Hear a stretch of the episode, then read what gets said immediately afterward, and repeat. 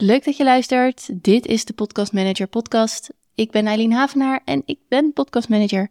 En ik help anderen dit mooie vak uit te oefenen, onder andere met deze podcast en met mijn opleiding Podcast Management. Als je een nieuwe podcast management klant krijgt, dan heb je daar idealiter een vorm van onboarding bij. En onboarding is, ik moet dan altijd denken aan een vliegtuig, want daar ga je ook onboard, zeg maar. Daar word je ook geonboard. Ge het is gewoon het starten met die klant en een aantal elementen, zeg maar, rechtzetten of afspreken om te zorgen dat de samenwerking ook fijn van start kan en dat er niet te veel onduidelijkheden zijn, want onduidelijkheden en onhandigheden en dingen die je van elkaar even niet goed snapt en oh ja, die inlogcode moet ik ook nog hebben, dat zal er altijd zijn. Maar je kunt wel een aantal dingen doen om te zorgen dat die eerste paar stappen niet al te rough gaan, niet al te hobbelig worden. En daarom neem ik je graag even mee in drie elementen die ik bij mij onmisbaar vind bij het onboorden van een nieuwe podcast management klant.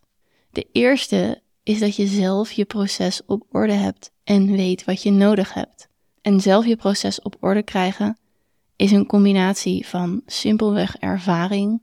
Ga het maar gewoon doen je zult nog je neus nog tegen duizend dingen aanlopen, maar elke keer, elke keer opnieuw wordt je proces beter. En we hebben het daar in de opleiding over. We hebben het over workflow en daar geef ik ook een aantal dingen mee, een aantal templates, schablonen. Maar je moet het op een gegeven moment ook gewoon gaan doen om te ontdekken welk proces jou het beste past en de klant. Want ik heb ervaren dat toch bij elke klant er zijn zeker overeenkomsten en je kunt best wel dingen inrichten naar jouw wensen. Maar er is altijd weer een grijs gebied. Dus bij elke klant is het ook weer net iets anders. Tenzij je echt heel strikt dezelfde pakketten aanbiedt, is het ook bij elke klant weer anders wat je precies voor ze doet. Dus, maar de eerste van de drie elementen is dus weten hoe jouw eigen proces gaat. Wat heb je nodig? En dat is bijvoorbeeld ook een inlogcode voor de podcast hosting. Of misschien de inloggegevens voor Spotify voor podcasters en dan niet de podcast hosting Spotify voor podcasters om het makkelijker te maken. Maar de andere kant, dus de podcaster. Je kunt daar in die omgeving van Spotify kun je zien hoeveel volgers je bijvoorbeeld hebt op Spotify en hoeveel streams er zijn. Maar het is handig als jij de statistieken bijhoudt voor je klanten, als dat in je pakket zit, dat je daarin kan, zodat je niet elke keer hoeft te vragen: hey, zou je even deze en deze cijfers uit jouw Spotify-omgeving willen halen? Dat is, als de klant dat wil, prima, maar meestal niet zo handig. Dus wat heb je precies nodig om jouw proces, om de product dat je aanbiedt, om de diensten die je aanbiedt, om dat goed en relaxed uit te kunnen voeren? Dan is wat mij betreft echt onmisbaar een getekend afsprakendocument, of in ieder geval een geaccordeerd afsprakendocument. Bij elke klant die ik onboard, die ik nieuw heb, stuur ik een afsprakendocument waarin een deel van mijn algemene voorwaarden is doorvertaald, maar waarin bijvoorbeeld ook staat hoe ik bereikbaar ben, welke dagen ik werk. Daarin staat heel erg specifiek uitgewerkt welk pakket ik met de klant heb afgesproken. Dus ja, het gaat erom in zo'n afsprakendocument. En noem het vooral leuker dan afsprakendocument. Ik heb nog niet echt mijn woord kunnen vinden.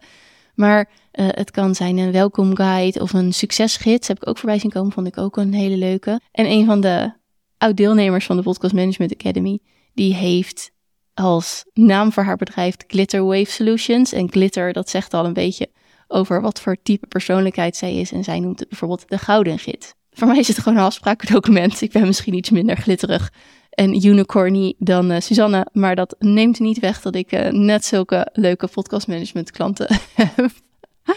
Ik noem het een afsprakendocument waarin dus staat wat we precies afspreken. En als iemand dat heeft geaccordeerd, dan geeft mij dat een gevoel van rust. Dus mocht er dan iets insluipen waarvan ik denk, hé, hey, dit hebben we eigenlijk niet afgesproken, dan kan ik in ieder geval teruggaan naar, hey, weet je, dit hebben we afgesproken. Als je het anders wil, kunnen we het daarover hebben of niet.